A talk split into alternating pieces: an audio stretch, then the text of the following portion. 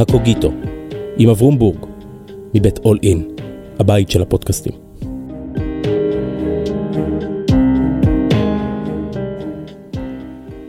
שלום, כאן אברום בורג. במשך חיי פגשתי המוני אנשים, רובם מעניינים ומרתקים בדרכם, וכשאני מחפש את המפתח אל מגירות הלב של הנשים והגברים האלה, אני מוצא תמיד יסוד אחד. לכל אחד ואחת מהם יש טקסט משלהם. לכל אישה יש טקסט, קצר או ארוך, ספר, שיר או פתגם, טקסט אחד לפחות, עליו בנויים הרבה ממגדלי החיים שלהם.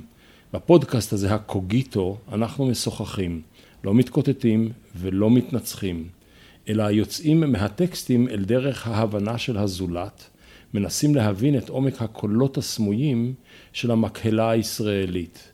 והיום רחל אליאור. שלום רחל. שלום וברכה. זה לא טקסט שלך, אני כמעט התחננתי ש... ש... שנלך לשם, ובחרת טקסט. בחרתי טקסט חבדי. בחרתי טקסט חבדי של המאה העשרים. אני אקרא ואחר כך אבאר. שום פורענויות חדשות, רחמנא ליצלן, אינן צריכות לאבן את ליבות ישראל. שום הסתערות של נחשולי אנטישמיות וגזרות רעות חס ושלום אינה צריכה להטיל את האדם מישראל לתוך ייאוש. יתחילו נא היהודים מעתה לקבל איש את פני רעהו בברכה המשמחת, לאלתר לגאולה.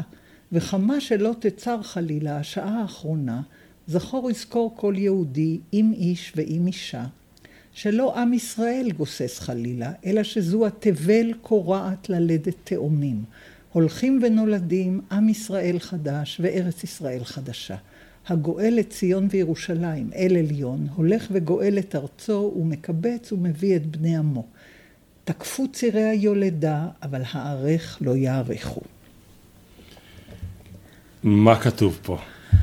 את הדברים האלה, את הדברים האלה, כתב רבי יוסף יצחק, האדמו"ר השישי מלובביץ'. שניאורסון. שניאורסון, האדמו"ר רבי יוסף יצחק שניאורסון.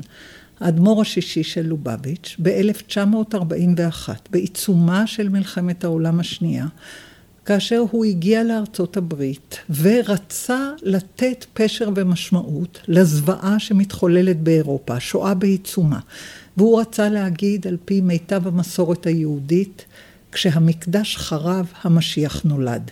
כשאנחנו בעיצומו של חורבן נורא, ולאיש לא היה ספק שהחורבן הנורא באירופה מתרחש בעוצמה, הוא רצה לומר, זה לא סוף פסוק. אנחנו מתארים את המציאות המחרידה שאנחנו מתמודדים נגדה חסרי אונים לחלוטין, במסגרת חדשה. אפשר להגיד, אני עושה reframing, אני עושה מסגור חדש של המציאות. כולם יודעים שהשואה בעיצומה.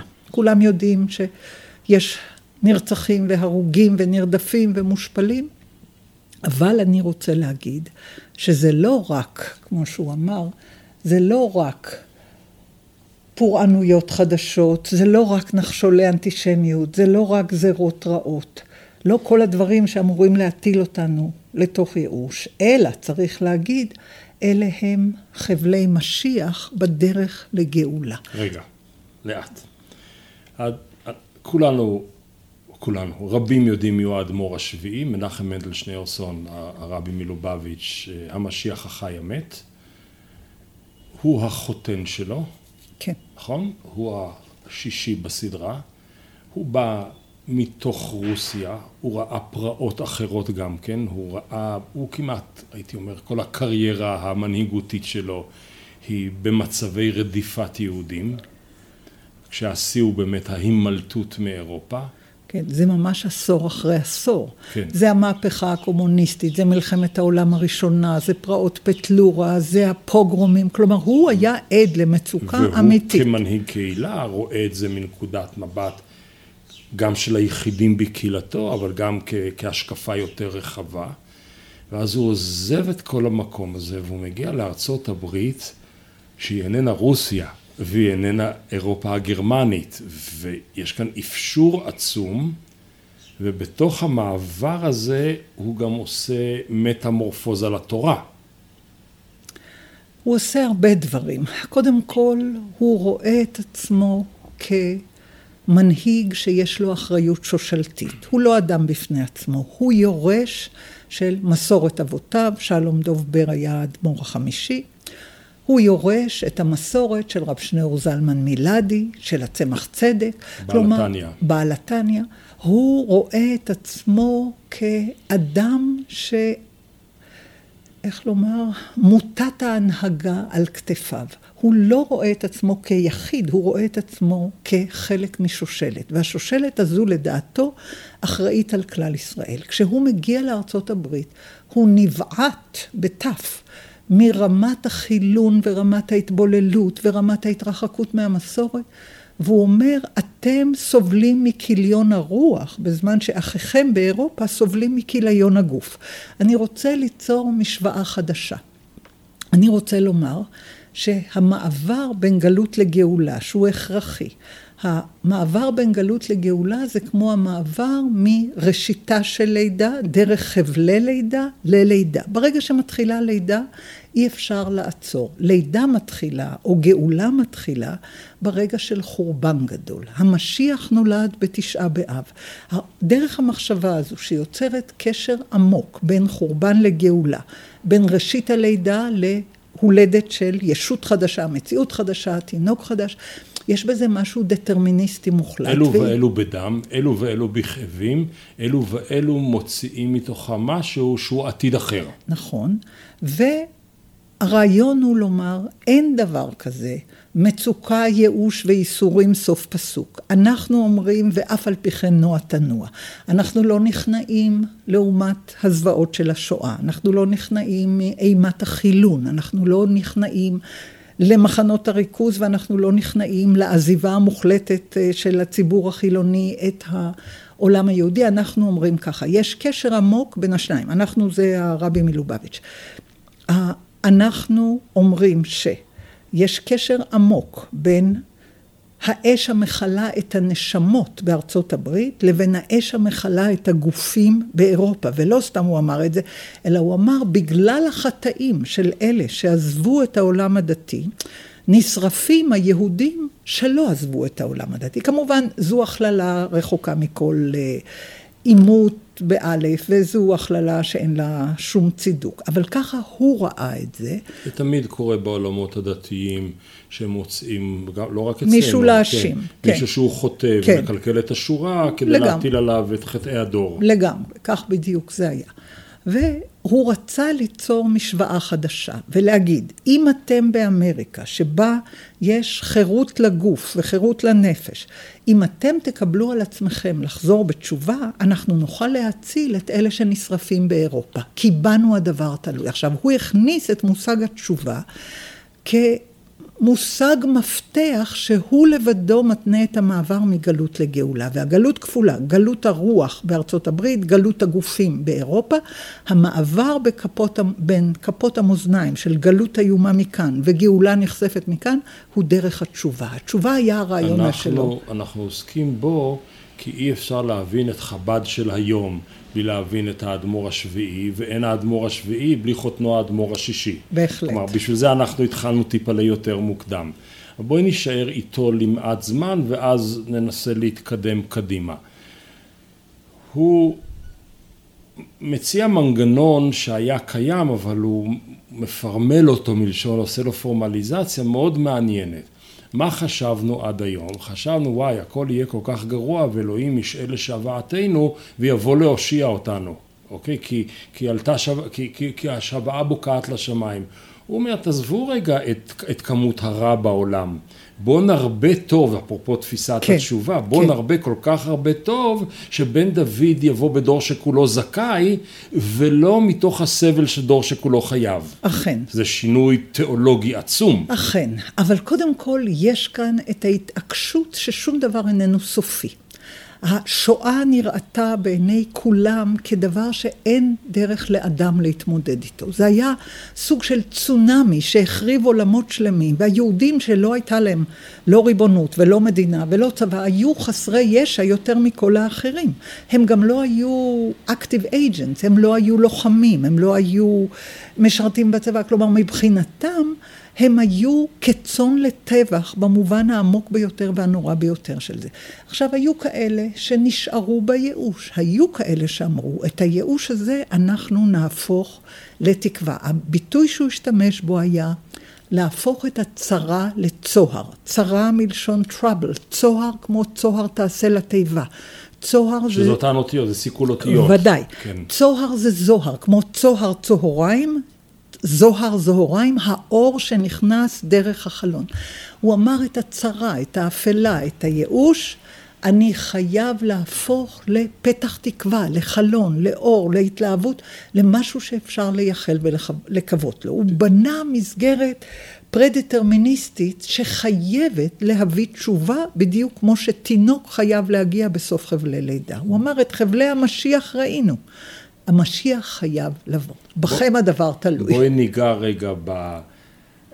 במשהו שנסתר מרבות מן העיניים שלנו. הוא מדבר על לידת התאומים. זאת אומרת, הוא מדבר על תאומים שהם עם ישראל חדש וארץ ישראל חדשה. כשאתה מקשיב לזה, אתה אומר, וואי, גם בן גוריון היה יכול להגיד את זה.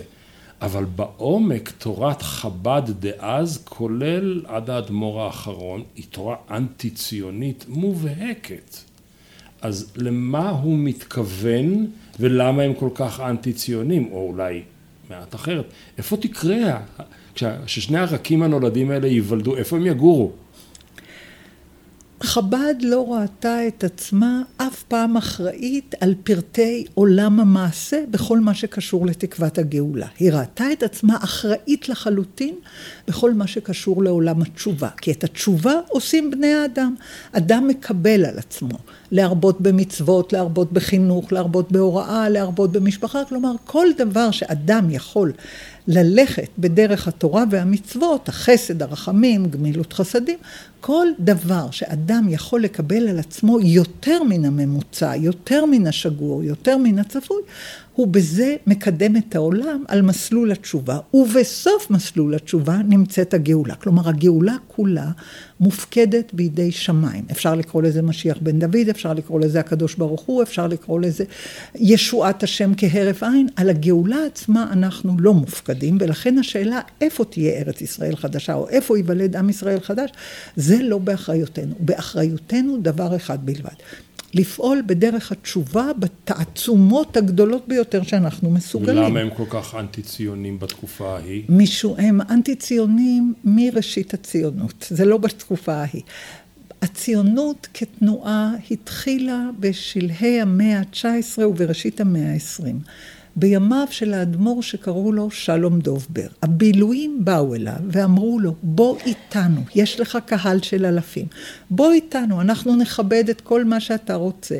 אנחנו רוצים שאתה תגיד לחסידים שיעלו לארץ ישראל כי השעה קשה. זה היה הרי, בילו התחילו אחרי הפרעות בנגב. סופות 18... בנגב. סופות בנגב, כן. 1882. האכזבה הנוראה מהחלומות של האמנציפציה והשוויון, האנטישמיות הישנה עולה כפורחת. הבילויים רצו לעלות לארץ. הם הלכו לרבי, לרב שלום דובבר, האדמו"ר החמישי של חב"ד, ואמרו לו, בוא איתנו. והוא אמר, אם אתם תוסיפו את הפסוק המלא, מה זה ביל? בית יעקב לכו ונלכה, בשם השם. או, והם אמרו, אנחנו הורדנו את בשם השם, כי אנחנו לא ממתינים יותר לגאולה מידי שמיים. אנחנו בית יעקב לכו, והוא אמר, אם תוסיפו את בשם השם, אני אבוא. והם אמרו, אנחנו לא יכולים לקרוא לאנשים לבוא בשם השם, כי אנחנו לוקחים על עצמנו אחריות אנושית. אנחנו חיכינו אלפיים שנה לישועה משמיים, הישועה לא באה. אנחנו עכשיו עולים בכוחנו זה.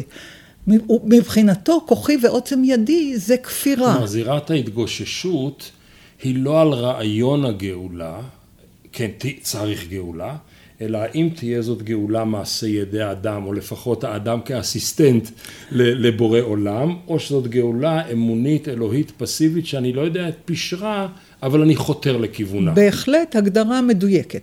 הבילויים, הציונים, אמרו, אנחנו לא יכולים לחכות, אנחנו נהרגים אחרי הפוגרום של קישינב. הם אמרו, אנחנו לא נמתין יותר לגאולה מידי שמיים. אין לנו שום סיבה להניח שיהיה יותר טוב. אתה יודע, זה היה הזמן שהשלטון הצריסטי התמוטט, היו מהפכות של 1905 ו-1907, ובכל מקום היהודים נרדפו ונהרגו והואשמו על לא עוול בכפם. זו הייתה תקופה של עלילות דם בעשור האחרון של המאה ה-19 והעשור הראשון והשני של המאה ה-20. הם הבינו שאין סיכוי לחיים יהודים באירופה, למרות הרוחות החדשות של אמנציפציה וליברליזם, זה לא הגיע לרוסיה הדברים האלה. והם אמרו, אנחנו נעלה לארץ, ואנחנו בית יעקב לכו ונלכה, אבל אנחנו לא נאמר בשם השם, כי אנחנו לא תולים את ישועתנו בשמיים, אנחנו תולים את ישועתנו במעשה ידי אדם. מבחינת הרבי של חב"ד, זו הייתה כפירה שלא באה בחשבון. על שתי מילים נפל העניין הזה. אז בואי נקפוץ לרגע, נסטה מהדרך המאוד אה, מובנית שאת צוללת פה בתהליך. הם לכאורה לא ארציים. הציונות היא ארצית, הלאומיות כן, היא ארצית, כן, מדינה כן, זה דבר כן. ארצי, אנחנו לא. אנחנו במישור המטה-ארצי. וכשאת מסתכלת היום על פעולת חב"ד ברחובות, היא כל כך ארצית, היא כל כך קונקרטית, היא כל כך פיזית, שזה כמעט משווע ביחס לנקודת ההשקה שאת מדברת עליה. כן, אבל זה היה לפני 120 שנה. אבל מה אנחנו... קרה שם? ב... מה קרה להם? באמת זו שאלה מאוד מעניינת מה קרה, אבל צריך כאן משפט אחד של רקע. חב"ד זה ראשי תיבות של חוכמה, בינה ודעת, אבל כן. זה כולם יודעים, אבל לא כולם יודעים שההתייחסות היא לפסוק שמתאר את בצלאל, כאשר... אחד מבוני המקדש. אחד מבוני המשכן. המשכן, סליחה, כן. כן. צלל הוא... בן אורי. נכון. ואליהב בן אחי צמח. נכון, סליחה, כן. נכון. עכשיו, כאשר משה הוראה בהר את הכרובים ואת הארון ואת המנורה, נאמר לו, אתה תאמר לבצלאל ככל אשר הוראת בהר. ומשה היה אחוז חרדה. איך אני אסביר את מה שאני ראיתי. ו... את מה שאני הוראתי, ואין לי מילים ואין לי מושגים, איך אני אתאר את זה לבצלאל? ואז אלוהים אומר לו, כאילו, אל חשש, אני אמלא אותך חוכמה, אני אמלא אותו, את בצלאל בן אורי, את בצלאל בן אורי, אני אמלא אותו ברוח חוכמה, בינה ודעת ורוח אלוהים. כלומר, הביטוי, זה לא רק חוכמה, בינה ודעת, זה גם רוח אלוהים. עכשיו, חב"ד מאמצים לעצמם את ה... את ראשי התיבות האלה מתוך אמונה עמוקה שהם פועלים ברוח אלוהים, הם פועלים בחוכמה, בינה ודעת של כל הדורות, של כל המסורת המיסטית, של מסורת הזוהר ומסורת החסידות ומסורת התניא ומסורת אה, תורה אור, זה הספרים של בעל התניא. הם מאמינים במציאות מיסטית. מה המשמעות של המציאות המיסטית שלהם? כפו, מציאות כפולה. הם אומרים הכל אלוהות. זו נקודת המוצא. זה שזו איננה החוויה הפיזית שלך או התודעתית שלך, זה לא מעניין. מבחינתם האמת המוחלטת, זו האמת המיסטית. הכל אלוהות, אין שום דבר אחר שאיננו אלוהות. הם אומרים את זה ביידיש, אל תסגות, או שהם אומרים את זה בעברית, הכל אלוהות, והם מוסיפים והעולמות הם שקר גמור. כלומר, מבחינתם, כל מה שהעין רואה, העין הפיזית, אשליה. זו אשליה, קוראים לזה אקוסמיזם. כן? רגע, זה, תגידי לי אם אני צודק. זה בעצם מתכתב עם שפינוזה. כן. 아, אוקיי, ששפינוזה אומר הכל טבע. נכון, והם אומרים הכל אלוהות. פנתאיזם. אוקיי. אנחנו קוראים לזה פנתאיזם, כלומר פן זה הכל ותאיזם זה תאוס אלוהים, הכל כן. אלוהים. עכשיו, מבחינתם זו נקודת המוצא, זה לא דבר שאפשר להתווכח איתו. העניין, מיסטיקה כמו חלום. תמיד מתחילה במשפטים שאין שום דרך להתווכח איתם. Hmm. כשאני אומרת, בחלומי ראיתי את אליהו הנביא, אתה לא, יכול, אתה לא יכול לא להוכיח ולא להתווכח. ואז זה נגמר ואלוהים נמצא בסופגניה. אוקיי, אבל הנקודה היא, כדי להבין את כל מה שקרה עם חב"ד, מוכרחים את נקודת המוצא. חב"ד היא תנועה מיסטית, לא משיחית, תנועה מיסטית שמיוסדת על הקוסמיזם ועל אחדות ההפכים. הקוסמיזם זה אה, א', השלילה ביוונית, קוסמוס זה עולם, אקוסמיזם אין עולם. אין עולם. העולם איננו ישות בפני עצמה, העולם איננו ישות אוטונומית. העולם הוא רק מלשון העלם, אשליה שבאה להעלים את המציאות האלוהית. עכשיו, היות ואנחנו ברואי בשר ודם, איננו יכולים להכיל בהשגתנו את המלוא האלוהי הזה, את האור האינסופי האלוהי. אנחנו מוכרחים שהאור האלוהי יועטה או יועלם או יולבש או יכוסה על ידי מעטה פיזי כזה או אחר שאנחנו יכולים להכיל אותו, זה העולם. העולם הוא מלשון נעלם והאנלוגיה שלהם היא טובה. הם אומרים, אנחנו יודעים שלכל אדם יש גוף ונפש. את הנפש אתה לא רואה, את הגוף אתה רואה, אבל גוף בלי נפש הוא לא חי. אז אותו דבר מבחינתם, היחס בין האל לעולם זה כמו בין הנפש לגוף. האל נצחי והנפש נצחית, האל מחיה את הגוף, הנפש מחיה את הגוף, הגוף כשלעצמו הוא, הוא חסר, הוא, הוא כלי, כלי בדיוק, אז העולם הוא כלי קיבול, מלשון. בתוך תקווה שמקשיבינו כבר הצליחו להמריא, לרום טיסה שאת לוקחת אותנו אליו. נלך לרגע, הוא כותב את הדברים, האדמו"ר השישי כותב את הדברים רגע לפני הפתרון הסופי, ב-1941, כלומר כבר יש רדיפות איומות, אבל עוד אין את ההשמדה המסיבית. ואחרי כן יש שואה. והתגובות לשואה הן מעניינות מהרבה מאוד, מהרבה מאוד כיוונים. אני יכול להגיד שהמתבוללים, חלקם אומרים, כמה שיותר רחוק מפוטנציאל של שואה זו גם תגובה דתית מסוימת, כי חלק מזהותי היהודית היא, היא, היא רליגיוזית. הלאומיות הציונית היא גם כן תגובה די רליגיוזית, אפרופו בית יעקב, אולי בלי אלוהים, אבל הארץ נתן לבני אדם, קמעה okay. קמעה, כאיילת השחר. יש את המשיחיות הקוקיסטית, שהיא מאוד אינטנסיבית פה בארץ ישראל, אין לה כמעט אחיזה בגולה, ויש את הגאוליות החבדית בכל העולם. ועדיין אני שואל שאלה קשה. ראיתם את כל הדברים, אם הכל אלוהים, מה ההסבר? אז הנס יונס שם על השולחן במחשבות אחרי אה, אושוויץ או הרהורים אחרי אושוויץ, הוא אומר יש משולש שאומר אדם מאמין, אתה לא יכול גם להאמין שאלוהים כל יכול גם שהוא טוב ומיטיב וגם שאתה מבין אותו. כי אם אתה מבין... לא מחשבותיי מחשבותיכם, כן, כבר ואז, הקדים התנ"ך אז, ואמר. אז אם אני לא מבין את אלוהים, אז אולי כל קיום המצוות הוא לא נכון. ואם אני מבין אותו, אולי הוא לא טוב ומיטיב, כי למה נהרגו כל כך הרבה? או אם הוא טוב ומיטיב ואני מבין אותו, אז אולי הוא לא כל יכול ולא הצליח לעצור את זה. איך הם מתמודדים עם הקריסה התיאולוגית? קודם כל, על אלוהים לא מקשים. מתחילים מזה. יש הנחות יסוד, פוסטולטים. Okay. הנחות היסוד אומרות, הכל אלוהות. אחרי שזו נקודה... The queen can do no wrong. אלוהים בדיוק, לא יכול לטעות. ממש ככה, הכל אלוהות. זו נקודת המוצא החסידית. הכל, הכל. עכשיו, יש שלוש נקודות מוצא. הראשונה אומרת ככה, הכל אלוהות. אין דבר שהוא לא האלוהות. הכל, כולל הרע, כולל הטוב, כל מה שאנחנו... הכל אלוהות. אנחנו לא מבינים את הכל, אבל שהכל אלוהות זו נקודת המוצא. הנקודה השנייה היא, קוראים לה אחדות ההפכים.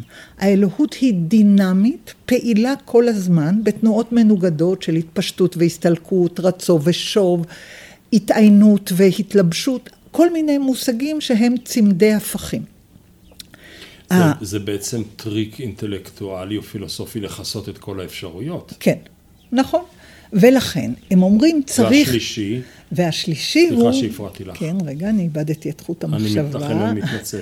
אה, הכל אלוהות, אחדות ההפכים. והדבר, והדבר השלישי הוא שהאדם מחויב לקבל על עצמו לעסוק במשהו שקוראים לו תיקון עולם okay. או אוקיי. תשובה. זה מקומו של האדם. לא מקומו לשפוט את אלוהים. לא מקומו, לא מקומו לנסות להבין את סתרי שמיים. מקומו היחיד הוא להפנים את הדבר המשולש הזה, שהכל אלוהות, שהעולמות הם שקר גמור, שהמציאות הנראית לעין היא רק תעתוע, ושהאמת המוחלטת היא שהכל אלוהים, והאדמו"ר החבדי הוא זה שמייצג את אחדות ההפכים הזאת ואת הכל אלוהים. מייצג או מפרש? מייצג. קודם כל הוא מייצג. הוא זה שיכול, זה, זה משמעות תורת הצדיק החסידית.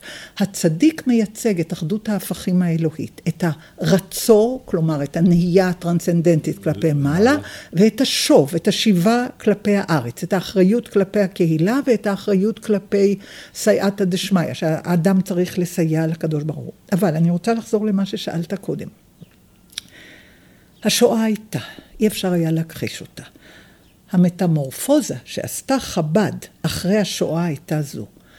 אנחנו כרגע חייבים לקחת על עצמנו את העדות ואת השליחות. העדות היא להעיד על העולם שחרב, לזכור, לנסות לחשוב אותו מחדש, לבנות אותו מחדש.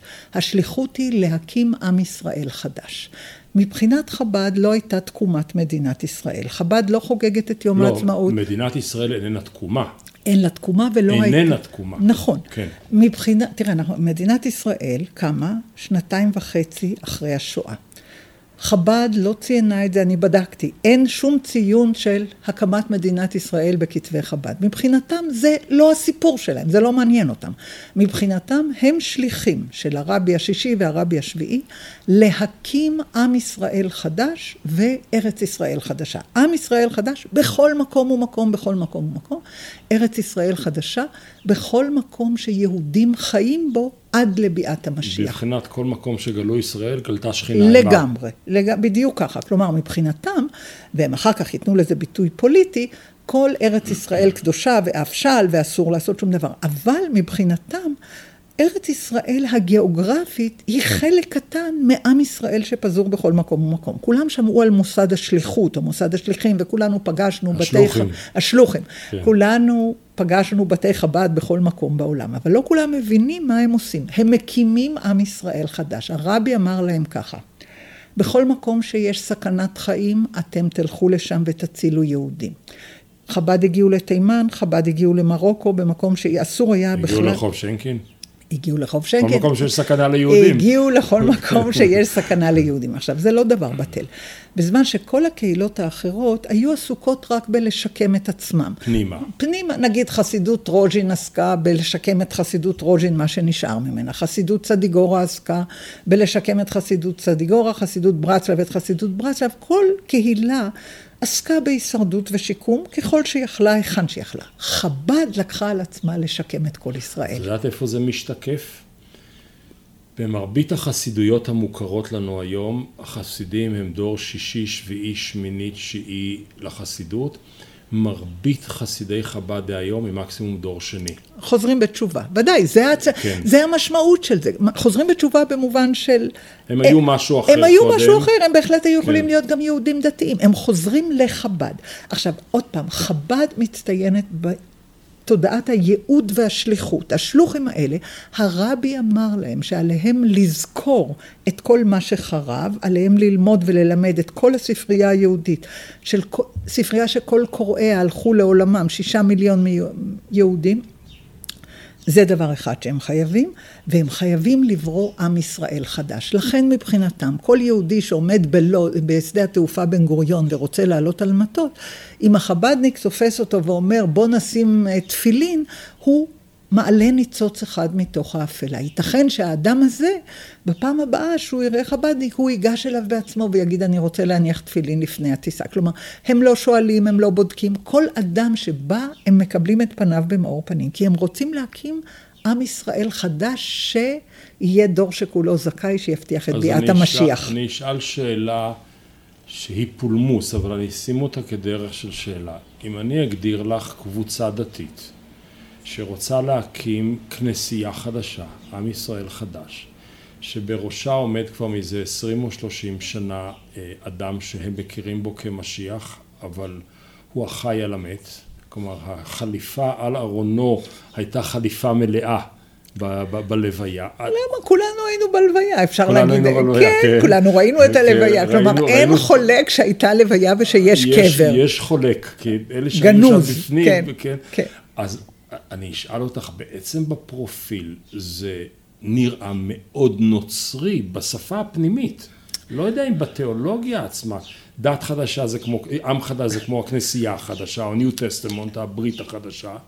התורה שונה לחלוטין מכל מה שהיה, אפילו בתוך חב"ד עד לפני 70, 80, 100 שנה. משיח חי מת, זה ארגומנט מעניין מה שהרב שך אמר, זאת הדת הכי קרובה ליהדות. אני לא מקבלת את הטענות של פרופסור ברגר, שהוא זה שהעלה את הטענה שחב"ד היא כת קרובה לנצרות. זה לא נכון. זה לא נכון לגמרי. למרות, הדימ... אתה יודע, כל השוואה פנומנלית יכולה לחבר כל דבר לכל דבר. אתה יכול מטריה ופטריה, כן? חב"ד אין לה שום עניין נוצרי. חב"ד היא יהדות במלוא מובן המילה. אלא מה? חב"ד היא יהדות מיסטית, וזו הנקודה. מיסטיקה משמעה היכולת להכיל את אחדות ההפכים. היכולת לומר...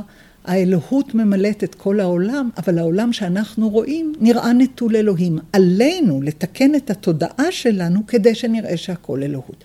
מבחינתם אין שום קשר לנצרות, הנצרות לא מעניינת אותם כהוא זה. מבחינתם היהדות העמוקה היא היהדות המיסטית, זאת שמנוסחת בתניא ובתורה אור ובכתבים של האדמו"רים החסידים. מבחינתם הגאולה היא הכרח. הגלות היא שלב מעבר, התשובה היא באחריותנו כדי לעבור מגלות לגאולה. השואה הייתה תקלה נוראה. זה שהמשיח לא בא. אבל עכשיו אני מתבונן מבחוץ. לא, רגע, ואני... אני, עוד משפט אחד. הם חיים את הפרדוקס, ומבחינתם אין שום בעיה, כי הם התחילו כאחדות הפכים. מבחינתם היש והעין, זה בסדר גמור. אלוהים, חי... אל, אלוהים גלוי ונסתר, כן. רב, רב חי או מת, זה אותו דבר. אותו דבר בדיוק. אז הם השליכו את כל הפרדוקס שעד המאה העשרים, השליכו רק על הקדוש ברוך הוא. כעת משליכים על הרבי של חב"ד. מבחינתם זה לא שום דבר, זה רק פשוט כאילו מכוונים את הזרקור מימין כלפי מעלה לאלוהים, לשמאל כלפי מעלה לרבי. אני רוצה בכל זאת להתעקש. כן, אוקיי. את מדברת אותם מתוכם. כן. בואי נצא רגע החוצה ונתבונן כתיירים. כן. שהגיעו ל-770 או שמתבוננים. ואתה אומר לעצמך, תראו, היו נקודות שההיסטוריה היהודית, אם מתוך טראומה, אם מתוך החלטה, הגיעה לצומת T ופנתה לכיוון אחד ואחרים פנו לכיוון אחר. כשעזרא ונחמיה שמים על השולחן את זרע קודש, הם יצרו גירושין חלק ניכר מיושבי הארץ שמוצאם דומה למוצאנו שלנו. כשרבי יוחנן בן זכאי אומר תן לי יבנה וחכמיה, הוא עשה כאן ויתור תיאולוגי עצום בגודלו. הפך מקדש למדרש, באומץ אדיר. כן. ואחרים נשארו במקום אחר. בהחלט. אוקיי? ואנחנו יכולים ללכת ככה להרבה מאוד מקומות. יבואו אלף שנה, יבואו מאתיים שנה ונסתכל אנחנו נוכל להיות בטוחים שהם עדיין חלק מהעם היהודי, או שזה stand alone? הם חלק מהעם היהודי, חלק מהותי, כי מבחינתם הם אחראים על כל העם היהודי. לצערם הרע... אז העם ישתנה. העם, הם בטוחים שהעם יחזור בתשובה, והם עובדים על זה כל יום ויום. בזמן שהציבור החילוני מבכה את המציאות הדתית, הציבור הדתי אומר אנחנו עוסקים בעשייה.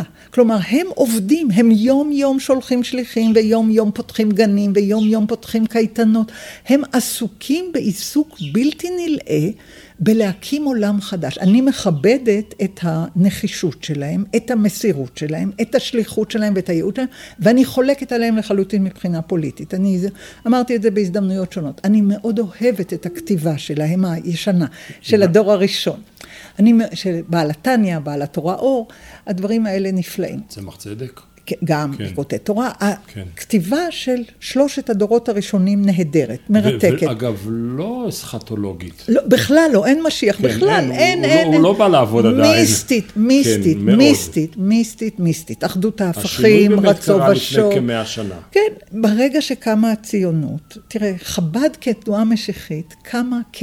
נגד הציונות. שהיא מתוך, גם תנועה משיחית. בוודאי, מי, אלא מה? זו משיחות, משיחיות שבני אדם אחראים לגלם אותה, הם לא מחכים לאלוהים.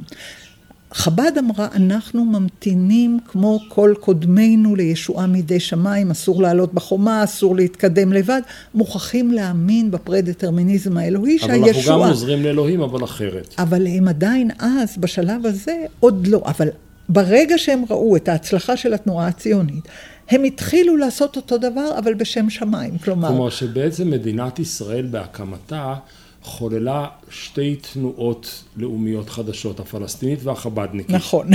אוקיי, הבנתי. Okay. אבל זה מאוד מעניין, בייחוד בכתבים של רב שלום דובר, אתה רואה איך מה שאלה עושים כתנועה ציונית חילונית, שאיננה נשענת על שם שמיים, אלה עושים בדיוק אותו דבר, אבל מתוך נסיעת... זאת הדיאלקטיקה, כי היום החילונים רוצים לעשות מה שחב"ד עושים, שרצו לעשות מה שהחילונים עשו. אז זהו, ההיסטוריה היא תמיד מקלעת של סבכים ופרדוקסים ותפניות בלתי צפויות. אני רוצה להוסיף דבר אחד. כל עוד חב"ד היא תנועה מיסטית, שעוסקת בטענות שהדעת הרציונלית בכלל איננה יכולה לבקר אותם או להתייחס אליהם, כי זה לא רציונלי. כשאתה אומר הכל אלוהות, זו תפיסה מאוד יפה מבחינה מיסטית, אבל זו לא תפיסה... אבל ש... מה אני אעשה עם זה? אבל מה אני אעשה עם זה? כן.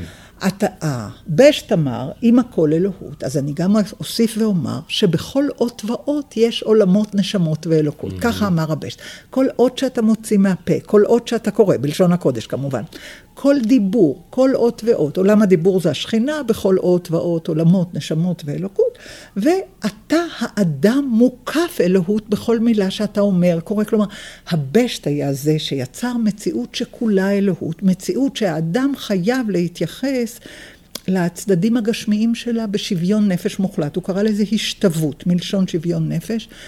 הוא רוצה כל הזמן דבקות בנוכחות האלוהית הלא נראית, אבל שהיא קיימת בתודעה שלך, ושוויון נפש מוחלט וביטול היש. חב"ד, הדגל שלה זה ביטול היש והשתוות.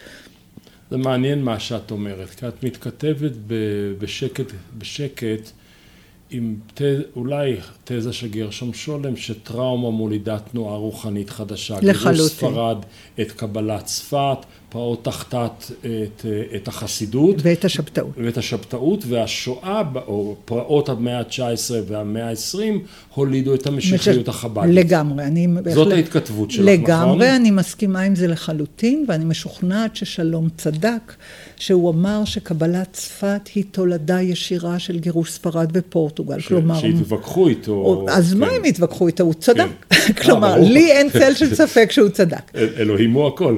כן. אני שואלת אותך. גרשום שולם הוא הכל. כן. לא, לא, בכלל לא, לא, לא, לא, לא, אלא כן.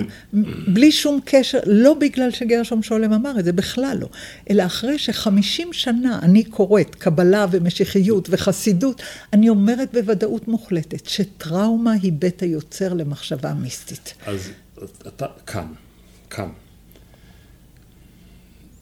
יום אחד האנרגיה של השואה תיגמר.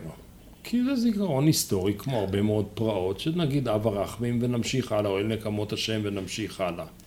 עיקר מניינה ובניינה של חב"ד היא בארצות הברית של אמריקה, שאם יש בה משהו אין בה טראומה. יש בה רווחה. יש בה רווחה גדולה, וברווח שבין דת ומדינה התאפשרה האוטונומיה המשיחית החב"דית, כן. זה יכול להחזיק מעמד במקום מהסוג הזה, או הם יצטרכו לזוז למקום יותר קשה? תראה, זה הם הוכיחו, ועל זה אני רוצה להזכיר שכתב ראשון חברי פרופסור אבי רביצקי, שנתן את הדעת על זה. סוד הנגלה ומדינת היהודים? כן. כן. אה, הקץ הנגלה ומדינת... הקץ הנגלה, כן, כן זה מעניין. כן. הקץ הנגלה ומדינת היהודים, כאשר הוא אמר שכל המשיחיות הקודמת הייתה קשורה במצבים טראומטיים. זה כבר שולם אמר, אבל אנחנו ראינו את זה במו עינינו. אבל המשיחיות היחידה שצמחה בתנאים של רווחה, זה המשיחיות בארצות הברית. והוא אז שאל האם היא תוכל לשרוד. כן, היא בהחלט יכולה לשרוד.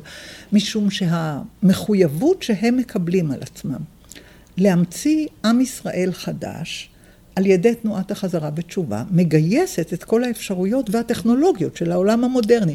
חב"ד היו הראשונים שהשתמשו בביטוי הסתדרות ותעמולה, והם למדו את זה מהקומוניסטים. שהיו להם תקליטים, בבית שמענו תקליטים שלהם. תעמולה, הסתדרות כן. ותעמולה, כן, תגיד שאתה ממשפחה חב"דית, צלונים. אוי, שכחתי שלא צריך להגיד את זה. אני נצר, אני, אני חושב שמבחינה גנ, גנאולוגית, משפחתי ואני, אנחנו קו ישיר לבעל התניא, יותר ישיר מאשר, אה, מאשר רבי מלובביץ' האחרון, שהוא היה חתן.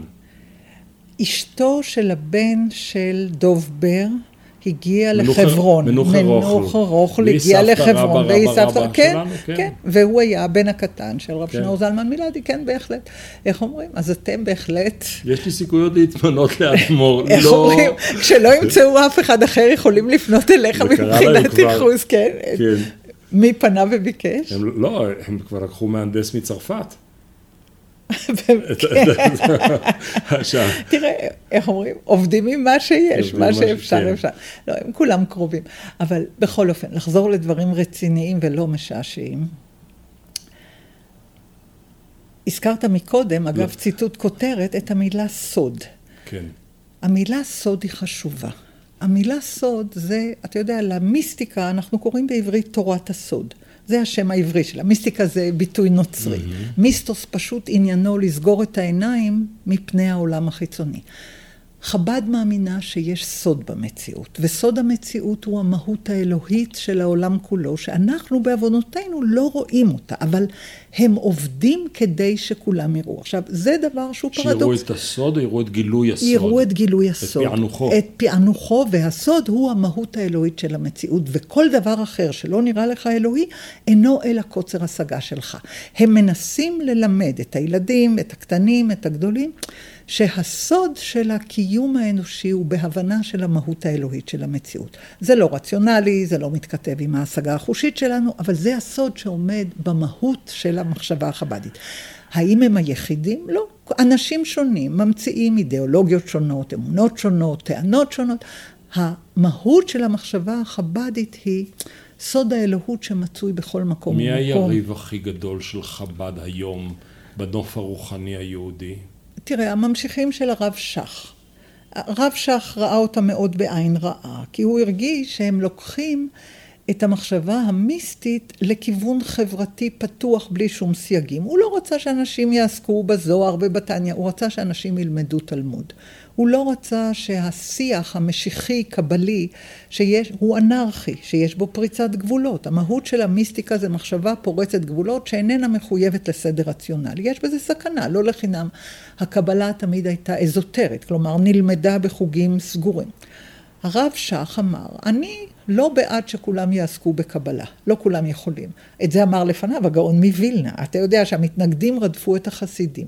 האשימו אותם שתי האשמות, אחת לא נכונה ואחת נכונה. ההאשמה הנכונה הייתה, הם מפיצים ספרי קבלה, הם מדפיסים ספרי קבלה, בעוד שהקבלה אסורה. מאז העניין השבתאי אמרו שקבלה מותר ללמוד רק למי שמילא את קרסו בש"ס ופוסקים, ורק מי שמעל גיל 40.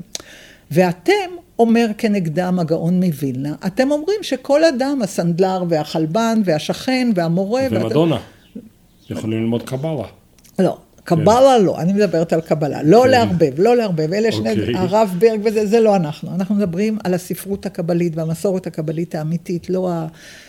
לא מה שעושים באמריקה, שהפכו את זה לסבונים ונרות. לא, הספרות הקבלית תובעת קריאה ולימוד. זה בהחלט ספרות קשה ומאתגרת, היא צריכה עומק אז אינטלקטואלי. אז התנגדות אחת זה הרציונליזם המסנגדי, כן, המתנגדי. שהם אומרים קבלה, אנחנו, הגאון מווילנה בוודאי היה מקובל ולמד קבלה עם חבריו המקובלים, אבל הוא לא חשב שנכון להפיץ את זה.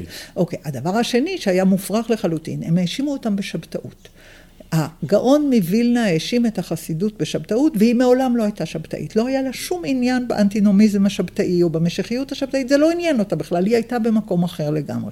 הבשט אמר שהוא דיבר עם המשיח, אבל המשיח, כשהוא שאל אותו, מתי עתי מר, מתי תבוא אדוני, אז הוא ענה לו, לכשיפוצו מעיינותיך חוצה, ואתה תלמד אותם את מה שאני לימדתי אותך, וגם הם יוכלו ויבינו כמוך. ואז הבש פרץ בבכי.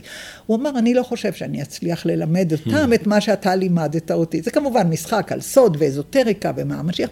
החסידות בהכללה לא הייתה מלכתחילה תנועה משיחית, היא הייתה תנועה מיסטית.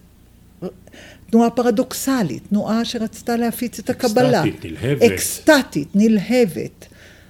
אבל לא שבתאית, לא אנטינומיסטית, לא זה היה הסיפור של החסידות של המאה ה-18, זה לא מה שעניין אותה. אז המתנגדים הראשונים טעו. זה אלה, לא, כן. זה המתנגדים לתנועה, האופוזיציה לחב"ד, זה עדיין הליטאים. המסנגדים, כן. בהקשר כן. הגדול, מי עוד? כל מי שרוצה דת שמעוגנת במציאות ולא דת שמעוגנת בקבלה ובמיסטיקה. אז, אז אני אשאל את זה, אם לא הצלחתי להיכנס מהדלת, אני אנסה מהחלון. הם מחלחלים לתוך התודעה היהודית בכל מקום ואתר. אנשים לא בדיוק מבינים את מה שדיברנו כאן, זה נראה טוב, זה כמעט פופולר סייאנס, זה, זה, זה טוב, זה, זה מרגיש לי טוב. יש איזשהו מצב שבו ישראל, שהייתה, שהם קמו כאופוזיציה לה, תהפוך בסופו של דבר תהליך של חבדיזציה, וזאת תהיה בעצם הרוחני, הרוחניות הישראלית? אני נמנעת מלהתנבא. אני עוסקת בעבר הכתוב. אני אינני מתנבאת על מה שעלול להיות או עשוי להיות. אבל אם אתה שואל אותי ממה אני דואגת, אני לא דואגת מחב"ד. אני מאוד דואגת מהחוגים שקשורים לרב גינצבורג ולרב טאו ולרבני ה... הרב גינצבורג, הרב יצחק גינצבורג. כן. אה, אה, אה, זה שנתן הסכמה לתורת המלך וברור. כן. אבל הוא גם מתכתב עם, הוא עם, מאוד עם חב"דניק, חב"ד, נכון, כן. נכון. אבל החלק שמדאיג אותי בו זה לא החבדיזציה, אלא האנטינומיזם המוחלט ביחס למדינת ישראל. הם רוצים להפוך את מדינת ישראל, שקמה כמדינה חילונית, ציונית, למדינת התורה למלוכה. הם רוצים להכיל עלינו, כאן ועכשיו, את הלכות משיח של הרמב"ם. מאלה אני מפחדת. מחב"ד אני לא מפחדת בכלל. חב"ד עוסקים כרגע בפעילות סוציאלית שקוראים לה קירוב. הם מעניקים שירותי דת לכל יהודי בעולם, והם אומרים, אם אתם רוצים להצטרף אלינו, נשמח מאוד. אבל הם לא תובעים ייצוג פוליטי, הם לא רוצים מהפכה בצבא.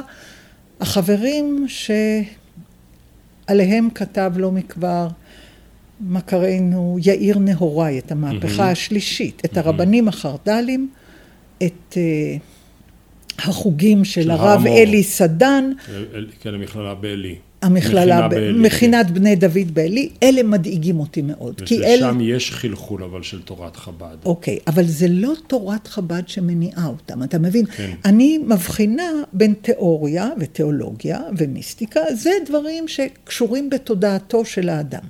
ברגע שאתה מחבר פצצות אטום לתיאולוגיה המיסטית, אתה גוזר את סופה של המדינה. עכשיו, למה אני מפחדת מאלה, מהבני דוד ועלי והרב אלי סדן? משום שהם מכשירים קאדרים לצבא, כדי שהם יהפכו, אתה יודע, וין, וינטר והשני הם לוחמי צבאות השם, כן. צוויג ווינטר, מאלה אני מפחדת, מאלה שרוצים לעשות הפיכה צבאית בכוח התורה המשיחית שלהם, לא של חב"ד. הם רוצים משיח עכשיו, מקדש עכשיו, לא חשוב שיש אל-אקצא, בית הבחירה עכשיו, אה, חוקת התורה עכשיו. סמוטריץ' אמר, אני לא כפוף לחוקי מדינת ישראל, אני כפוף רק לחוקת התורה. מאלה אני מפחדת. מישהו אמר לי פעם שהרוחניות הישראלית של היום היא חווה קוק. ראשי תיבות חב"ד, ברצלב, וקוק. קרלבך וקוק. רוחניות לא מפחידה אותי. אני קראתי אלפי עמודים של ביטויים רוחניים שונים של העם היהודי. העם היהודי מומחה בניסוח תיאולוגיות מיסטיות, משיחיות. בתיאולוגיה אנחנו חזקים מאוד. בתורת הקודש אנחנו חזקים. בתפיסת אל, בתפיסת האדם, בתפיסת העולם. אנחנו תרמנו תרומה אדירה לספרייה העולמית והיהודית. אבל... ברגע שאתה מחבר מיסטיקה לפוליטיקה ולצבא, זה סוף העולם. זה אסור. שזה באמת באופן מובהק חב"ד לא שם. אז זהו, לא- א-פוליטיים, לח- אנטי-פוליטיים אפילו. בדיוק, כי מבחינתם אין חשיבות לפוליטיקה מלבד בנושא אחד. הם תמכו בנתניהו כי הוא אמר אף שעל, והם מתנגדים, ארץ ישראל, ארץ ישראל השלמה. כן. לדברים אחרים. כן, מבחינתם כ- יקרב את ביאת המשיח שלטון על כל ארץ, ש... כן. שלטון על כל ארץ ישראל, אבל הם עצמם א-פוליטיים, לא משרתים בצבא, לא מנסים. הסכנה היחידה היא מאלה שמנסים לצרף את העוצמה של המחשבה המשיחית מיסטית עם הכוח האטומי, אווירי, צבאי של מדינת ישראל. זה נורא. כלומר, התרחיש הגרוע ביותר הוא שרעיונות הגאולה והמשיחיות השונים שמתרוצצים בארץ יתאחדו, יהיה ויתחברו. להם כוח צבאי, ובשער של הבסיסים חב"ד יחלקו להם סופגניות. אז הסופגניות ניחא, אוקיי. אבל ברגע שטייס יכול לבוא מהחוגים של אלוף משנה צוויג או אלוף משנה וינטר, ולהשתמש. ולהשתמש ביכולת הטכנית ובאמון שנותנים לו. הוא נשבע אמונים למדינת ישראל, אבל הוא נשבע אמונים יותר עמוקים לרב אלי סדן, ואז הוא מפציץ את כיפת הסלע. כדי להכין מקום למקדש, וזה תרחיש שהוא לא לגמרי דמיוני. כדי לסבר את האוזן, היו ניסיונות להתנקש במסגדים, בין השאר באמצעות אה, אה, אה, כוח אווירי. כן. וכאשר אתה מקשיב לשיחה האקטואלית, למשל, של ארגון נחלה, תנועת נחלה, וכאשר הם נשאלים, יש מדינה? לא, יש חוק מעל המדינה, יש בדיוק. גבוה מעל גבוה. זה מה שאמר סמוטריץ', דברייך, לזה, מזה אני מפחדת. אני רוצה להזכיר, אם אנחנו הגענו להזכיר את הסכנה הגדולה שבשילוב אמונה משיחית מקדשית מתנחלית עם כוח צבאי. חברי אלוף, אלוף משנה זאביק רז, הזכור לטוב כמי שעמד בראש איך קוראים למבנה האווירי שהפציץ את הכור האטומי בעיראק, כתב ספר נפלא שקוראים לו בחזרה מן הירח, והוא מספר שם סיפור על אדם שומר מצוות, טייס, שהתכוון והיה כבר כולו מוכן ונכון להפיל פצצה על המסגדים. והדברים היו. כן. כן. לכן אני אומרת, הסכנה היא רק שם. הכניסה לצבא מתוך ניסיון לקחת את הריבונות הממלכתית ולמחוק אותה לחלוטין ולומר שבשם קירוב ביאת המשיח והגאולה מותר לי לעשות פה מלחמת עולם שלישית וג'יהאד מוסלמי וזה כי אני רוצה מקדש עכשיו, משיח עכשיו, מלוכה עכשיו, מוחק את הדמוקרטיה. זו סכנה אמיתית. כלומר, אלה המהרסייך ומחריבייך ממך יצאו. לא אלה שאומרים משיח נאו, אלא אלה שאומרים אני מוכן להרוס את הכל, את כל מה שנבנה כאן, כדי לכונן את בית הבחירה. זה מעניין שהגענו מתורה איזוטרית במובן הטהור של המילה, לא איזוטרית במובן האקזוטי והמרוחק, לאקטואליה כל כך מדויקת. אז אני אציע לך משהו כדי לגמור עם פרשנות, כדי לגמור אותה עם איזושהי אווירה מעט יותר אופטימית על הפסוק של הנביא. מהרסייך ומחריבייך ממך יצאו, יש את הפרשנות שאת הצגת אותה, שאלה שיעשו לך את הנזק הכי גדול הם אלה שבאים מתוכך. אבל יכול להיות שיש כאן גם אלמנט של אה, נבואת נחמה. כל אלה שרוצים להרוס אותך יצאו, יצאו. ממך, ולא יהיו חלק מאיתנו. ההיסטוריה לא מלמדת אותנו נכון. שזה המצב. אני זוכרת יותר מדי את הרדיפות של המתנגדים נגד החסידים, ונגד הפרנקיסטים, ונגד השבתאים. ונגד הרמב"ם. ונגד הרמב"ם. את ספרו כן. של הרמב"ם שרפו. שרפו. והמאבקים בין הרבנים לקראים ובין הצדוקים לפרושים. אנחנו לא מאלה שמצליחים להוציא את המחריבים. רציתי לעודד אותך, לא רציתי לגמור בדאונביט. אבל הזדמן לך לקרוא את ספרו של ישי שריד, שלישי. השלישי, כן. כן. זה, אני חושבת, ספר שמדגים את הצירוף הנורא שבין כוח הנשק לכוח האמונה. קראתי את פונדקו של ירמיהו, אני מכיר את תמוז, כל הספרות כן, ה... כן. אה, האפוקליפטית, אסכטולוגית אפוקליפטית. כן, ונשאיר את חבר המושבעים מחוץ לחדר להחליט בהורדת הידיים העצומה הזאת. בין הכוחות הרציונליזם בתוך העם היהודי לכוחות הלא רציונליים בעם היהודי. אלה יוצרים קואליציה משלהם, אלה יוצרים קואליציה משלהם. ונקווה שיהיה טוב. על זה נאמר, ותשבי את הרץ, כן, שאלות וקושיות. תיקו. כן. תיקו, רחל, כן. אלף תודות. למדתי המון, והדבר היחיד שאני מצטער שאנחנו לא יכולים להכניס לתוך המיקרופון וההקלטה, זה את הכמות העצומה של הספרים. שאני מוכן להישבע לפי איך שהם נראים, שבניגוד לספרייה שלי, את גם קראת את הספרים שאצלך. אני קראתי כל ספר כאן, ולא רק קראתי, אני גם כתבתי. כן, לא, זה אני יודע. לא, כתבתי בתוך הספרים. בתוך הספרים. כן, כן. יופי, תודה רבה. בשמחה, שמחתי לשוחח איתך.